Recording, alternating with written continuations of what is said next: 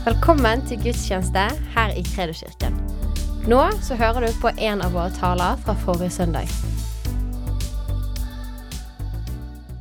Ja, jeg tenkte I dag skal vi gå gjennom hele Bibelen, fra eh, første Mosebok til Johannes' åpenbaring. Ja, det er en spennende bok, det her. Det er så mye fantastisk. Eh, så det er Men det er noe med å samtidig lytte inn hva snakker Gud om akkurat nå. Hva, hva han på en måte løfter fram fra, fra Bibelen, hva han løfter fram fra Skriftene, som er, han ønsker å formidle til oss akkurat i denne tiden her, kanskje akkurat i dag, i den sesongens ved. Og Det er et ord som jeg har gått og ruga på, som jeg tror er fra Gud. Vi nevnte det sist søndag. og det er det at eh, det var en setning om at tro for høsten. Det er jo et ordspill på norsk.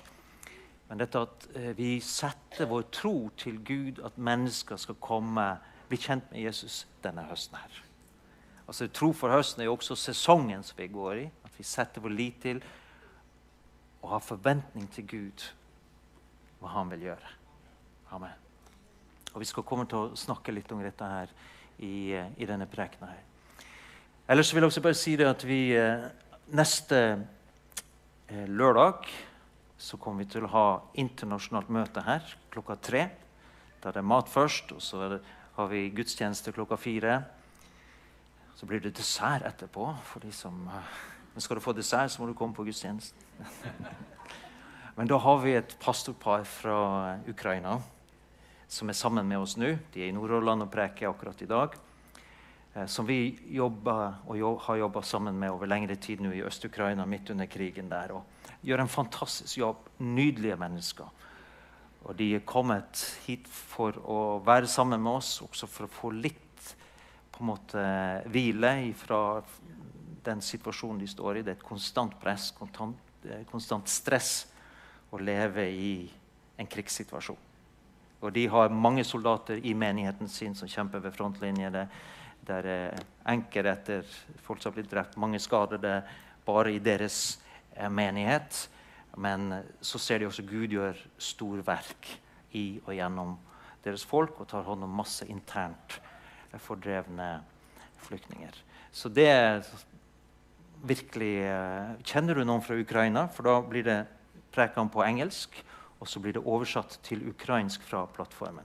Så kommer vi til å være alle nasjoner som er representert i menigheten, og mer enn det for å være her sammen. Så hvis du kjenner noen, så ta de med neste lørdag. Og så kommer de også til å være med her på gudstjenesten på søndagen. Så det blir bra. Har du hatt det bra i sommer? Ja. Skal du ta og kikke på naboen din om han har fått farge? eller om han... Nei, må, må hilse godt. Ta, se deg litt rundt. Og... Har du hatt det bra i sommer? Godt å se deg. Hva heter du, hvis du aldri har sett dem før?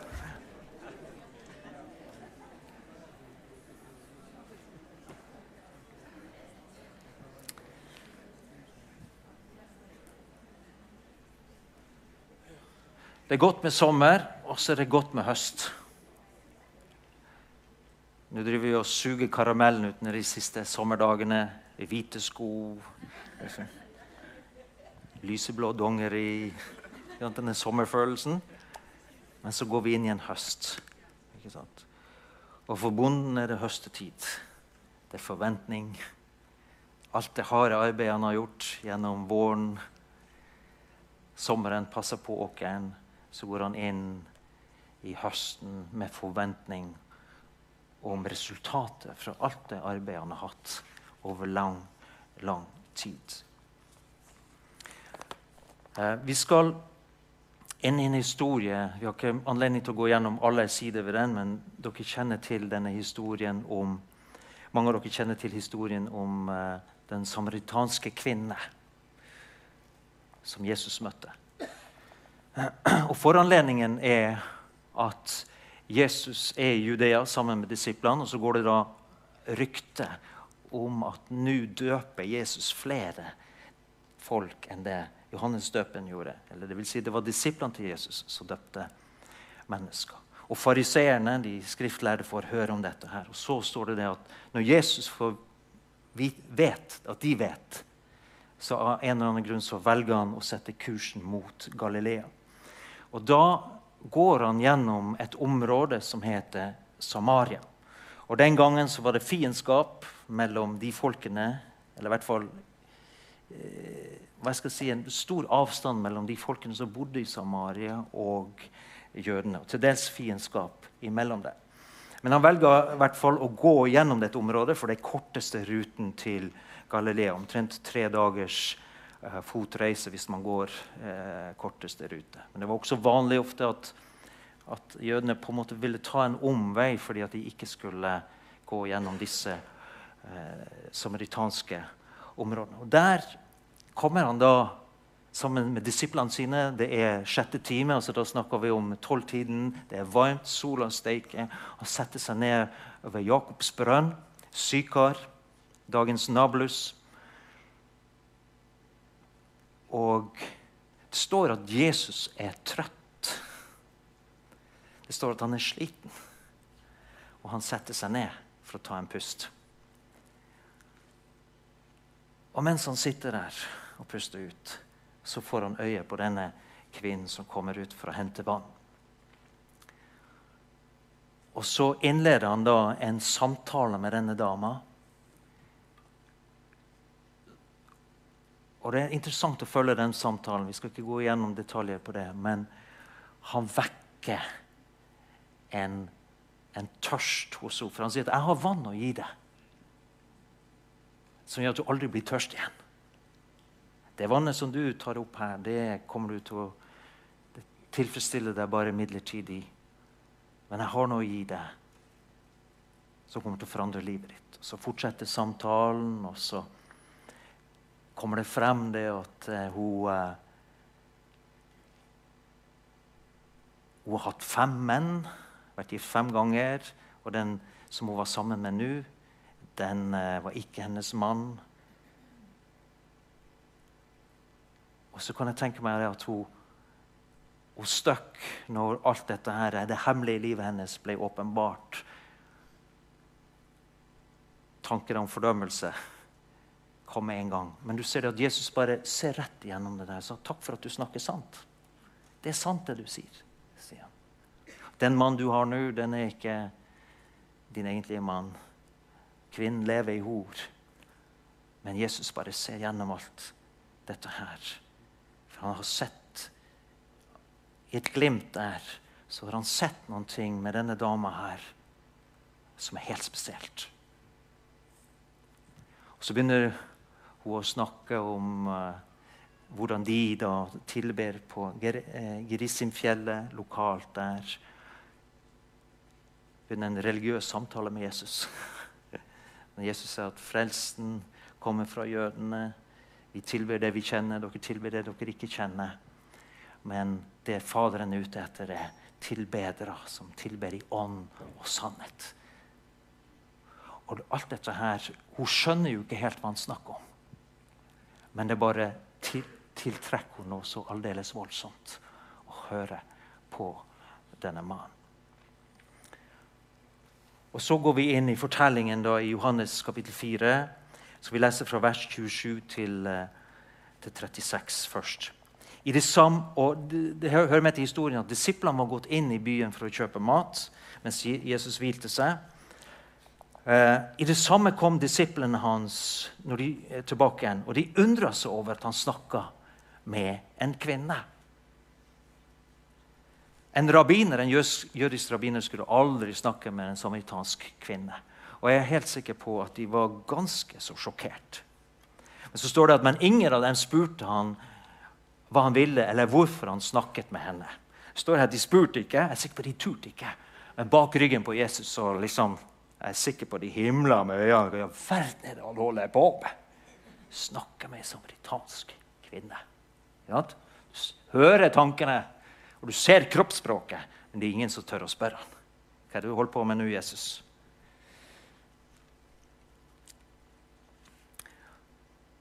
Men så står det da at kvinnen lot nå vannkrukken sin stå og gikk inn i byen og sa til folk.: Kom og se en mann som har fortalt meg alt det jeg har gjort.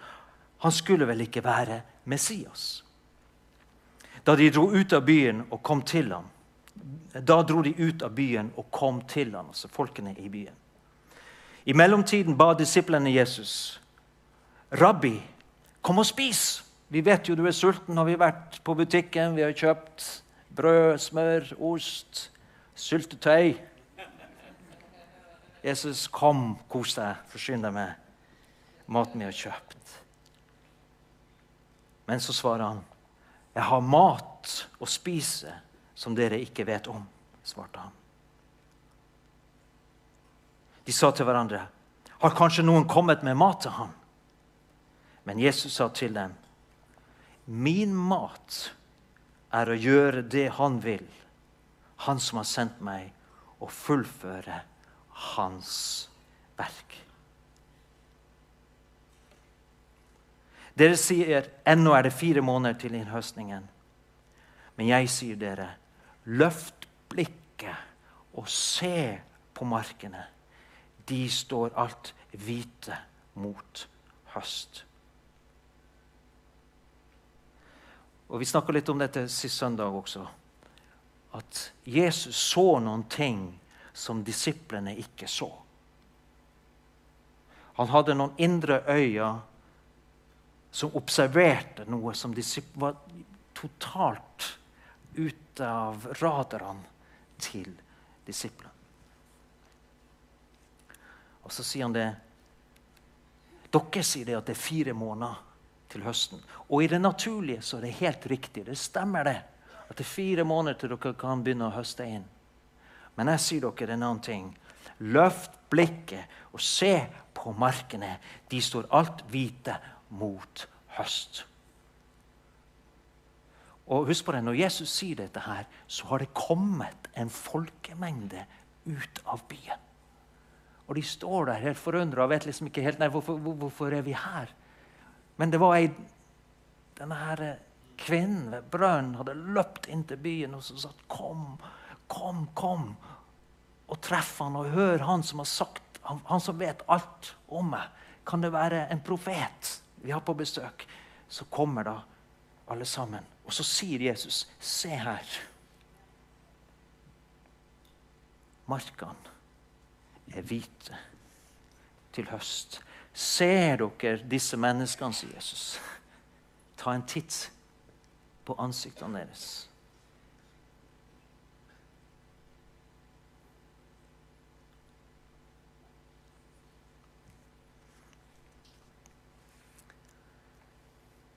Står det, vi, Hopper vi litt, så kommer vi til vers 39. 42 så står det at mange av samaritanerne fra denne byen kom til tro på Jesus pga. kvinnens ord da han vitnet. Han har fortalt meg alt det jeg har gjort. Nå kom de til ham og ba ham å bli hos dem, og han ble der to dager. Mange flere kom til tro da de hørte hans eget ord. Og de sa til kvinnen, nå tror vi, ikke lenger bare pga. det du sa, men vi har selv hørt ham, og vi vet at han virkelig er verdens frelse.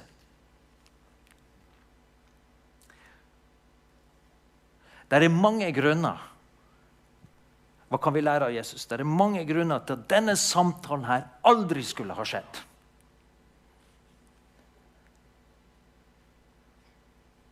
Det var helt imot all fornuft. Men igjen, Jesus så noen ting i denne kvinnen som ingen andre så.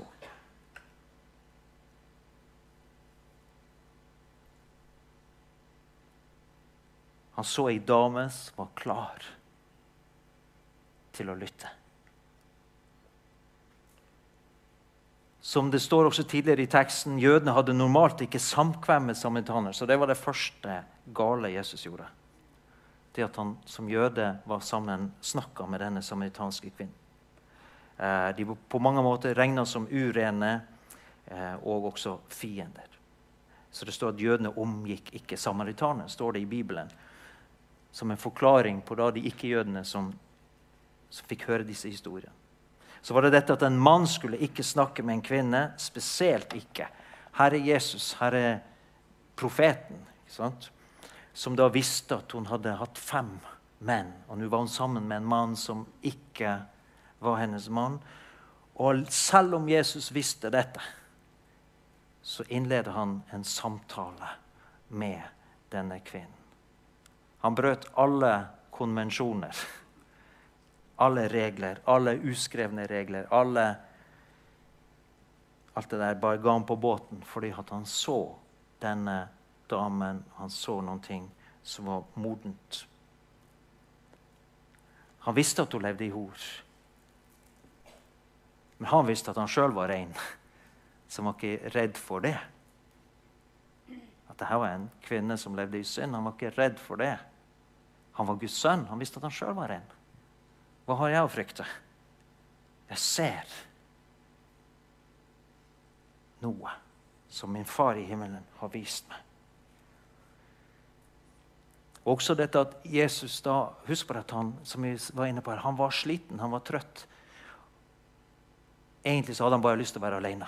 Endelig fikk han disiplene av gårde. Nå hadde de gått langt. Han var så lei av alle spørsmålene fra disse disiplene. Jeg får meg en pause. Åh. Sette seg ned og bare få litt egentid. Men nei da. Der var hun og forstyrra han.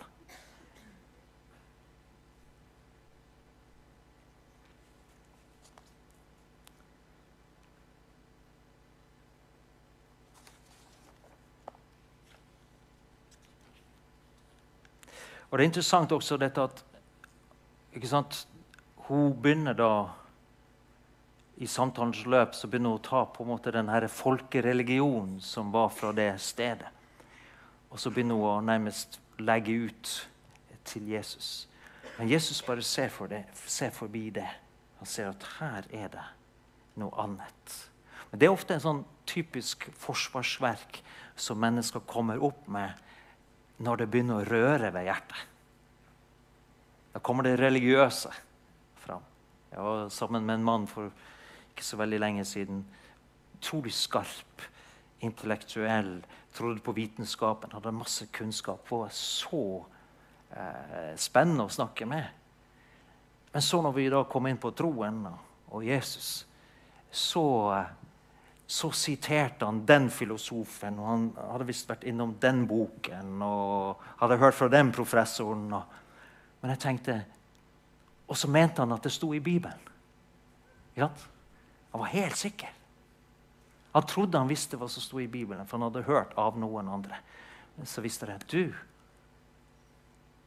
Nå skjuler du det bak kunnskapen din, men du har hørt på feil kilder.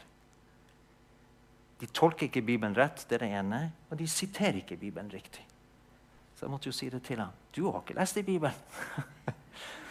og da måtte han innrømme det. Nei, han hadde egentlig ikke lest i Bibelen, han hadde lest om Bibelen. Eller noen som hadde lest Bibelen.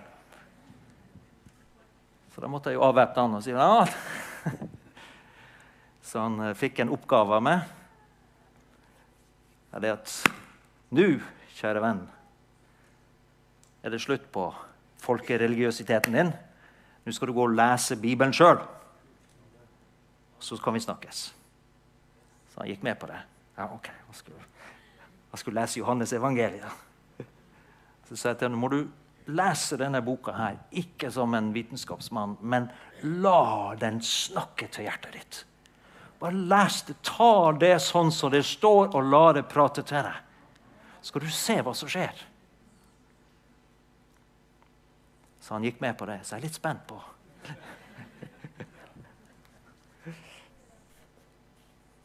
Men jeg måtte liksom passere disse barrierene. Og du ser Jesus som han han bare skjærer igjennom. Så sier han det, det er ikke religion jeg snakker om. Det er verken jødisk religion eller samaritansk religion. Jeg snakker om levende vann ekte vann som kan gi deg evig liv.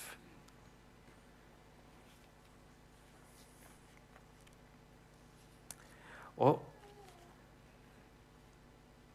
så ser vi noe spennende også med Jesus. Han, han sier det at dette er den maten. Dette er maten min. Det er dette jeg elsker å holde på med. Det er når jeg kan gjøre min fars vilje. Og når er det han sier det? Han sier det i sammenheng med at han har snakka med denne kvinnen. her. Å, dette var det mest spennende Jesus kunne holde på med. Komme til en fremmed landsby. Finne den derre personen. Og så innlede en samtale. Så ikke sant, Som rabbiner så måtte han jo beholde sin verdighet og liksom ikke ta helt av. Men det står jo da at, han, at de, de, de over, folk i byen overbeviste han om at kan ikke du bli med tilbake igjen til byen. Og så vet vi at Jesus ble der i to dager, og mange flere kom til tro når de fikk høre han sjøl. Men jeg er helt sikker på når han var alene sammen med sin himmelske far, så liksom var Yes! Yes! Yes! Ja! Ja! Ja! Halleluja! Det var det gøyeste han visste! Åh! Å komme inn rundt og inn i hjertet. Og se at noen omvender seg. Kommer til sannhetens kjennelse. Og så skjer det noe i hjertet. Og så går denne kvinnen inn i byen til sitt eget folk. Og hun var jo mest sannsynlig den damen som alle snakka om i den byen. Ryktet rykte på byen, hva de snakka om på torget, det var jo hva hun holdt på med. Eller kanskje hun var byens sladrekjerring. Ikke vet jeg. Men nå har hun opplevd noe, og alle så forandringen i hennes liv. Dette ble inngangen til en hel by som kom til tro på Jesus. Amen. Og det jeg kjenner på, det er det at det er høstetid for oss. Jeg tror det at det er en tid hvor Gud kommer til å frelse mennesker. Og åpne menneskers hjerte som kanskje har opplevd det som vanskelig å nå. Mennesker som det har vært ut, utilgjengelig for oss. Jeg tror at det er en tid hvor folk som I Bergen er det folk fra alle mulige folkeslag. No, blant nordmenn er det masse forskjellige kulturer og subkulturer. Fra de fine bergenserne til narkomanen på gaten. Og jeg er overbevist om at det er en tid for å høste mennesker. Så det Den hellige ånd sier til oss, det er løft blikket og se at markene er hvite til høst. Ikke utsett snakk om en vekkelse som skal komme. Men markene er hvite til høst. Og hva begynte denne vekkelsen med? Jo, det var ett menneske. Ett menneske ble kanalen til vekkelsen. Skal jeg og du begynne å spørre Gud Herre, hvem har du satt i min vei? Hvor er den samaritanske kvinnen i mitt liv? Er jeg villig til å gå den ekstra mila? Er jeg villig til å passere disse sperrene og disse grensene som måten vi lever på, har satt opp? Herre, vis meg. Åpne øynene mine så jeg ser menneskene. Åpne blikket mitt, åpne hjertet mitt, åpne hørselen min så jeg hører. Hjelp meg, Gud, og jeg ber, ber deg for min egen del. Gud, åpne blikket mitt! Åpne ørene mine, åpne hjertet mitt! For dette handler jo da sannelig min hatt om evig liv.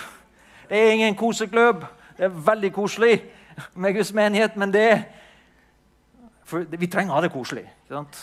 Det er klart det, vi må kose oss. Vi må kose oss i hele sommer.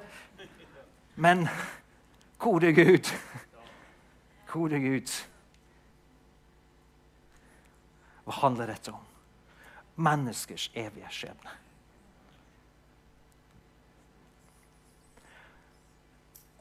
Er du her i dag? Er du her i dag som har et hjerte, og du kjenner det når jeg begynner å nevne disse tingene her, så begynner det å hamre litt på innsiden der. Det er fordi at Gud har kalt deg og utrusta deg til å finne disse samaritanske kvinnene eller disse bortkomne sønnene. Du er salva, du er utvalgt av Gud for å gå ut og finne dem og bryte alle barrierer og gjøre hva som helst for å finne dem. Ved Guds hjelp. Er du her?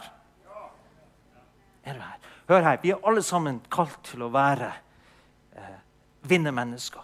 Og vi har et ansvar for våre familier og vår slekt og, og, de som er i vår sfære. og De skal vi be for. Vi skal dele Jesus. Og så er det også, og det er spesifikt det jeg sier nå, så er det også noen som går inn i det ukjente. Det er noen som Gud bare drar inn i det ukjente. Du går på helt fremmed territorium. Og du kjenner, kan kjenne både på frykt og usikkerhet og, og maktesløshet, men hvis du vil lyde Gud så vil Gud bruke deg til å komme inn på steder hvor ingen andre har vært. Og du skal få den største glede og den største tilfredsstillelse som noe menneske kan ha her på jorden. Det å få spise Guds mat. Og se. Og virkelig se og oppleve at Gud åpner et menneskes hjerte og omvender dem. De er klar. Og så, Hvem vet hva den personen eller den persons nettverk hva det kan bety? Og Gud er Det spørsmålet går ut akkurat nå. Er du, er du her? Vil du gå den veien? Gud har bruk for deg. Vi har bruk for deg. Vi har bruk for deg. Guds menighet har bruk for deg.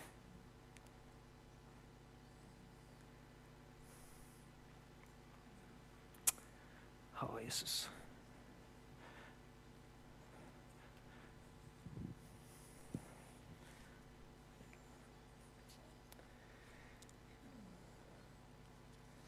Og så kollektivt, vi som menighet, som fellesskap, vi, vi, vi, vi har ulike gaver og personligheter. og Noen er introvert, og noen er ekstrovert. og noen er... Men glem alt det der, og så bare lyd Jesus. La ham bruke deg sånn som du er. OK? Der er åpne dører for deg. Bare, det, det, er rart med det. Det er akkurat som troen jeg vet, kan ikke forklare men det er akkurat som troen er forløst. Bruker ordet 'forløst'? ja. Det er visse ting som jeg bare vet at jeg vet. I møte med visse mennesker så er jeg bare overbevist om at når jeg snakker med dem Og jeg blir veldig frimodig. Jeg bare vet at de kommer til å ta imot. Mens andre ganger hvis jeg ikke har det sånn, så jeg føler meg som en fisk på land. Altså. Jeg vet ikke hva jeg skal gjøre. Men så plutselig ser du da at kanskje den, noen andre har en fantastisk inngang overfor de menneskene. Så det er sånn faktisk at Gud legger ned og, hjelp, og gir tro og frimodighet til oss kollektivt. Du får guddommelig frimodighet i møte med visse mennesker i visse situasjoner. Så du bare det er som snakker nå, liksom. Mens for andre så kan det virke som det funker ikke. Men så har du tro på andre i møte med andre mennesker. Gå der du kjenner frimodigheten. Gå der du kjenner troen.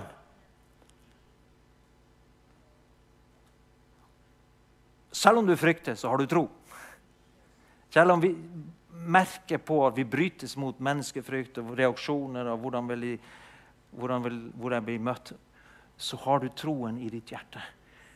Og jeg ber om at Gud gir meg og deg frimodighet for denne høsten og forventer at vi skal møte mennesker underveis nå som er klare, for høsten er Altså, markene er hvite til høst. Er du med på dette her? Kan vi gjøre dette i sammen? Så heier vi på hverandre, oppmuntrer, eh, oppmuntrer hverandre. Og Det er et, fjell som skal flyttes. Jesus sa det at jeg sier det, dere, om dere har tro som et sønnefrø, kan dere si til dette fjellet, flytt deg herfra og dit, og det skal flytte seg. Og ingenting skal være umulig for dere. Og det er ett fjell som skal flyttes. Det er vantroens fjell. Det er menneskefryktens fjell. Nå er det slutt på beskjedenheten og forsaktheten og 'unnskyld meg' og Reis deg, mann og kvinne, gutt og jente. Gud har bruk for deg. Ingenting skal være umulig for dere, sier Jesus. Så han snakker i flertall, faktisk. Dere, sier han. Så vi må i fellesskap flytte disse fjellene. Det er ikke bare noe som hviler på den enkelte. Vi kollektivt har fått et oppdrag å passere disse grensene for at nye mennesker skal få bli kjent med Jesus. Jesus sa det at sannelig sier dere, alt dere binder på jorden, skal være bundet i himmelen, og alt dere løser på jorden, skal være løst i himmelen. Også dette sier dere. Dersom to av dere her på jorden blir enige om å be om noe, hva det enn er, de skal få det av min far i himmelen. For hvor to eller tre er samlet mitt navn, der er jeg midt iblant dem. Og jeg vil at vi skal be og tro for å, fri, for å ha frimodighet til å gå ut og møte menneskene og ta dem inn i Guds rike. Vi har våre behov, og vi kan bli, bli, enige om å be om det, og det skal vi gjøre. Men la oss bruke disse løftene også for å innta nytt land. Er du med på det? Hvis vi blir enige om noe, så kommer det til å skje. Hvis vi er uenige om noe, så skjer det ingenting. Men hvis vi blir enige Dette bestemmer vi oss for. Johannes 14, 12-14 står det sannelig, sannelig, jeg sier det, den som tror på meg, skal også gjøre de gjerningene jeg gjør, ja, enda større gjerninger.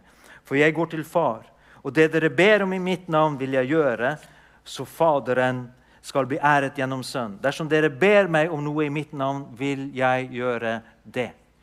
Jesus snakker om de samme gjerninger og de større gjerninger. Ikke vet jeg helt hva han mente på. Men kan det være bl.a. at i vår tid, her og nå, så kommer du til å nå mennesker med evangeliet? Jesus, i den tilfellet vi så der, det var en, en liten by, Sykar. Men kan det være en større gjerning i det at det kommer til å bli mange mange flere frelst enn på Jesus tid? Han var begrensa geografisk, fysisk. Vi har et hav av muligheter i dag. Amen. La oss benytte oss av de mulighetene som er her, og tro Gud. For når vi ber om noen ting, så skal vi få det.